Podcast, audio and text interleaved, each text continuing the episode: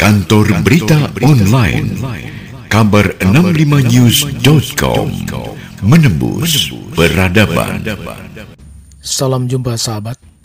Inilah kabar hari ini. Sahabat, berbagai tindak kejahatan dengan berbagai modus masih terus dilakukan oleh seseorang atau kelompok orang untuk mencari keuntungan pribadi. Tidak peduli di masa pandemi COVID-19 seperti saat ini. Berkaitan dengan tindak kejahatan tersebut, kepolisian Metro Jaya berhasil mengungkap berbagai kasus tindak kejahatan di masa pandemi COVID-19. Selengkapnya, mari kita ikuti konferensi pers Kepala Divisi Humas Polda Metro Jaya Yusri Yunus dan jajaran yang dilakukan pada hari Selasa tanggal 27 Juli 2021. Siang ini saya akan menyampaikan ada beberapa pengungkapan dilakukan oleh teman-teman uh, dari Krimsus Polda Metro Jaya. Yang beberapa hari yang lalu juga sudah saya lakukan uh, rilis kepada teman-teman media. Di masa pandemi COVID-19 ini masih ada para pelaku-pelaku yang mengambil keuntungan keuntungan secara pribadi dengan melakukan beberapa penipuan-penipuan yang ada, kemudian juga ada juga yang melakukan uh, mencari keuntungan untuk kepentingan pribadinya, tetapi dampak dari ini semuanya yang tidak dia sadari atau mungkin juga disadari oleh yang bersangkutan. Uh, pengungkapan sudah cukup banyak. Siang tadi juga di Polres Metro Jakarta Selatan juga mengungkap dengan modus yang sama kemudian kemarin di Polres Depok juga di Polres Tangerang Polda sendiri sudah mengungkap cukup banyak. Modus operandinya adalah dengan menawarkan kepada konsumen-konsumen yang orang akan bepergian baik itu dengan jarak jauh ya dengan maupun dengan jarak dekat tetapi dengan persyaratan sesuai dengan aturan uh, dari Satgas Covid bahwa setiap perjalanan harus minimal membawa PCR H-2 atau swab antigen H-1 dan juga bukti vaksinasi satu. Ini ketentuan aturan dalam uh, setiap perjalanan jauh di masa PPKM berskala uh, eh, PPKM level 4 ini sejak juga dari PPKM darurat yang lalu dengan persyaratan yang sama. Kenapa diberikan kebijakan seperti itu untuk menghindari terjadinya penyebaran COVID-19 di dalam kendaraan maupun juga di atas pesawat. Ya, jangan dijadikan kendaraan umum ini jadi klaster maupun jadi pesawat yang jadi klaster. Nah, inilah orang-orang yang memang tidak bertanggung jawab dengan mencari keuntungan mereka coba menawarkan melalui media sosial yang ada ya media sosial yang dibuat contoh melalui Facebook ya. ini sudah cukup banyak kita ungkap dan kami masih terus akan melakukan pengejaran terhadap pelaku-pelaku yang lain jadi menawarkannya melalui Facebook bahwa silakan kalau mau uh, melakukan perjalanan tanpa dites bisa mereka mampu menyiapkan kartu vaksin maupun PCR yang ada. Satu kasus yang berhasil diamankan ini tersangkanya adalah FN ini. Kerja setiap harinya adalah dia sering melalui media online menjual tiket pesawat selama ini. Tetapi dengan adanya aturan baru, aturan yang dibuat selama masalah PPKM level 4 maupun darurat kemarin. Sejak bulan Juni yang lalu si pelaku FN ini menawarkan tiket pesawat plus ada PCR tanpa melalui tes.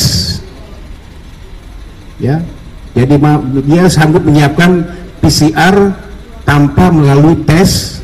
Nanti akan keluar dan keasliannya bisa dijamin karena biasanya orang membeli tiket pesawat harus PCR dulu dia langsung menyiapkan. Dengan biaya tambahan untuk PCR palsu ini seharga 700 ribu rupiah. Ya jadi tiket pesawat plus PCR palsu tanpa melalui tes PCR yang resmi. Jadi nggak mau tahu orang pokoknya hasilnya adalah negatif. Sehingga setiap pemesan bisa terbang lengkap dengan PCR-nya dan jadi pertanyaan apakah yang bersangkutan negatif atau positif tanpa dites? Kita belum tahu. Kemungkinan bisa jadi dia adalah positif. Ya ini masih kami dalami. Yang bersangkutan berhasil kita amankan. Uh, kami masih mengejar karena hasil pemeriksaan awal bahwa yang membuat PCR-nya tersebut bukan FN ini. FN juga memesan kepada seseorang. Ya jadi FN ini memesan kepada seseorang. Yang sekarang masih di DPO kita masih lakukan pengejaran kepada orang yang menyiapkan PCR tersebut. Tetapi diambil keuntungan dari situ. Dia memesan seharga 300 ribu sampai 400 ribu. Kemudian ada space harga sekitar keuntungan sekitar 300 ribu juga. Sampai 400 ribu di sini. Yang dia terima untuk PCR nya ini keterangan awal yang kita dapat. Kemudian pengakuannya sudah sejak bulan Juni yang lalu dia bermain ini. Sudah lebih dari 20 lebih. Kami masih dalami lagi apakah kemungkinan lebih dari ini semuanya. Pengakuannya lebih dari 20 PCR palsu ini yang dia buat. Ya. Ini yang masih terus kami uh, kembangkan teman-teman semuanya karena kita ketahui dampak daripada ini sangat berbahaya. COVID-19 sampai dengan saat ini masih cukup tinggi di Indonesia. Ya mudah-mudahan dengan kita bisa mengungkap seperti ini begitu juga dengan teman-teman Polres yang lain kita bisa meminimalisir para pelaku-pelaku untuk bisa terjadinya penyebaran COVID-19 khususnya di kota Jakarta ini. Uh, keuntungan yang sudah diraup pengakuannya sekitar hampir 11 juta rupiah. Ya. di sini kami persangkakan di pasal 35 di Undang-Undang uh, eh, ITE ya. Undang-Undang nomor 19 tahun 2016 perubahan atas Undang-Undang nomor 11 kemudian di pasal 51 di Undang-Undang ITE ancamannya cukup tinggi 12 tahun penjara dan juga di pasal 263 KUHP barang bukti yang kami amankan ada handphone ada juga ATM mana? Ini yang dia punya ya? Ya? Maaf. Ini ini suratnya dia langsung kita ini aja. Ini yang dia palsukan termasuk itu juga. Dia punya akun akunnya akun Situmorang sini Siska Situmorang kemudian ini surat yang dia palsukan. Tapi bukan yang bersangkutan tersangka ini yang memalsukan. Dia membeli lagi kepada seseorang. Ini seseorang ini sementara masih kita uh, lakukan pengejaran. Tapi sudah kita profiling ya sudah kita bisa ketahui masih kita lakukan pengejaran. Ya. Ini teman-teman semuanya sekali lagi saya menghimbau sudah cukup banyak kami mengungkap kasus seperti ini. Untuk masyarakat yang mau mengambil cepat seperti ini tolong berhenti. Sadarilah bahwa kita harus berkolaborasi bersama, kita harus bersinergi bersama untuk memerangi COVID-19 ini. Kalau mau mencari cepatnya, kalau memang merasa dia itu reaktif, sebaiknya tidak usah melakukan perjalanan jauh, tidak usah memaksakan diri dengan cara mencari barang-barang palsu seperti ini. Kasihan yang lain, bisa nanti terpapar COVID-19 ini. Sampai kapan kita mau? Ya, Alhamdulillah Jakarta sudah mulai agak landai, ya, Mudah-mudahan ini bisa kita pertahankan dengan cara bagaimana pertama kurangi mobilitas. Yang kedua, mari kita sama-sama taat terhadap protokol kesehatan 5M. Ya. Yang terakhir, percepatan vaksinasi. Jakarta sudah 80% lebih kita vaksinasi. Untuk mencapai herd immunity ini ini harus kita memang perbanyak vaksinasi. Insya Allah dengan vaksinasi kita bisa capai sebesar-besarnya Jakarta ini kita bisa menekan angka penyebaran COVID-19. Ini mungkin teman-teman semuanya untuk fase pertama. Terima kasih.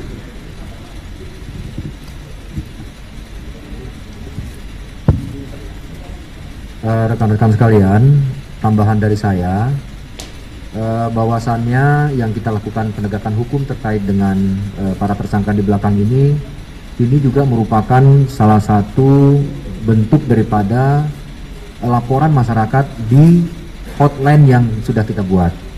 Mungkin rekan-rekan masih ingat bahwa Ditkrimsus Polda Metro Jaya telah membuat hotline pengaduan, baik pengaduan itu terkait dengan kelangkaan oksigen, kemudian harga yang tidak pantas terhadap obat-obatan, kelangkaan obat-obatan, serta berita-berita hoax. Jadi salah satunya adalah yang seperti dilakukan ini adalah penipuan, itu masuk ke laporan kami. Jadi dari laporan masyarakat tersebut yang kami tidak lanjuti, sehingga kami bisa melakukan penegakan hukum terkait, terkait dengan dua atau tiga tersangka yang ada di belakang kami. Itu mungkin tambahan saya. Oke, terima kasih teman-teman. Kita lanjutkan saja ya, karena memang ini modusnya hampir mirip. Oke, silakan yang tersangka yang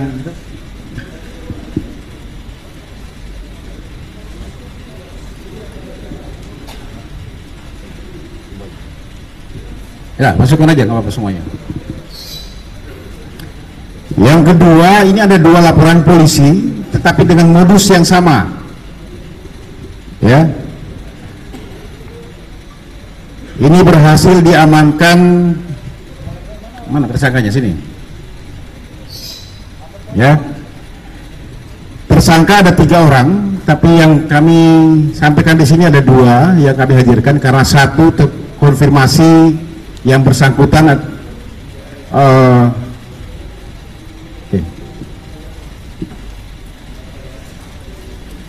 yang bersangkutan ini dan konfirmasi positif COVID sehingga kami tidak hadirkan sini sementara kita isolasi yang bersangkutan.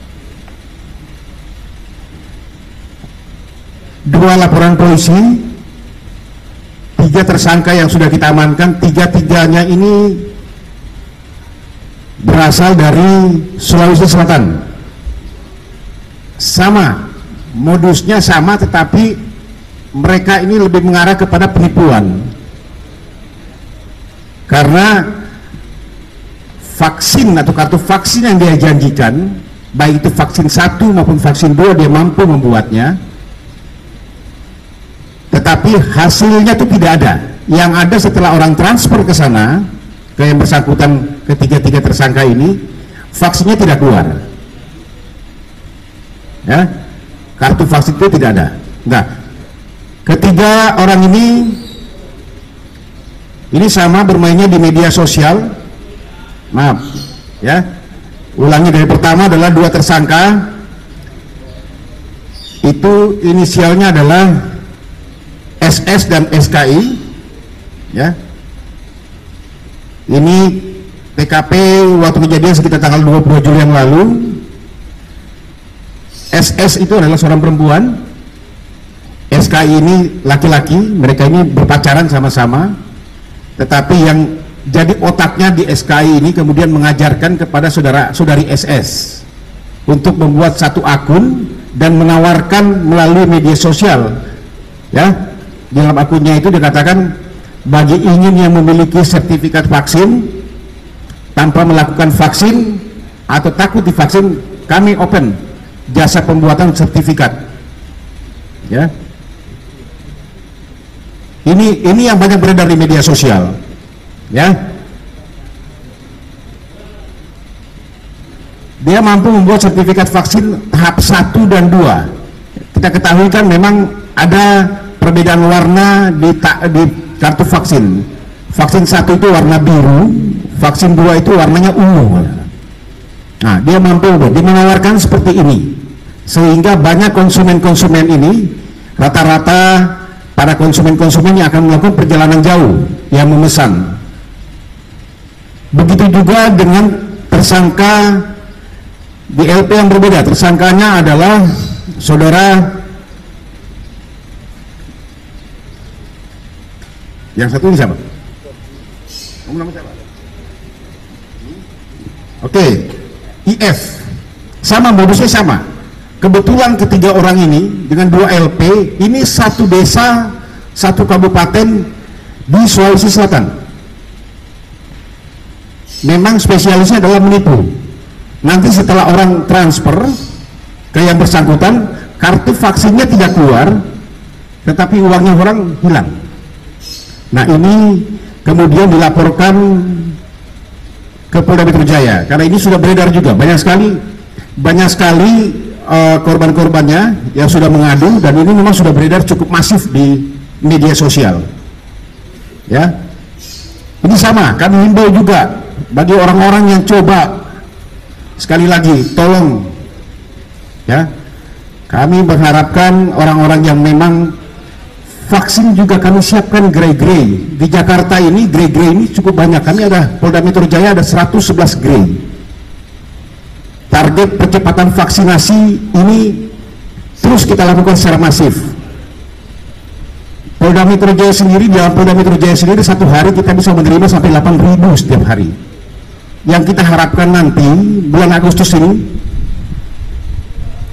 Jakarta ini sudah 100% bisa vaksin.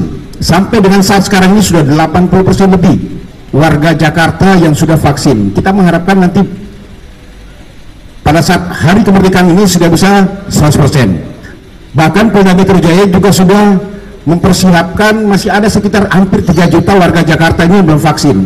Sekitar 20% warga Jakarta yang belum vaksin. Karena kita hitung dari KTP Jakarta dan juga ada warga yang tinggal di Jakarta, kerja di Jakarta tapi bukan warga Jakarta dengan KTP luar daerah. Tapi itu semuanya harus kita vaksin. Untuk mencapai herd immunity di sini.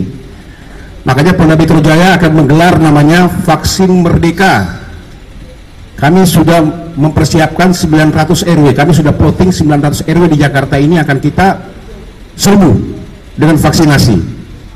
Kita harapkan tanggal 1 nanti akan kita buka sampai dengan tanggal 17 ini. Seluruh warga Jakarta sudah bisa 100% vaksinasi. Makanya kami mengharapkan para orang-orang yang memesan seperti ini di media sosial stop.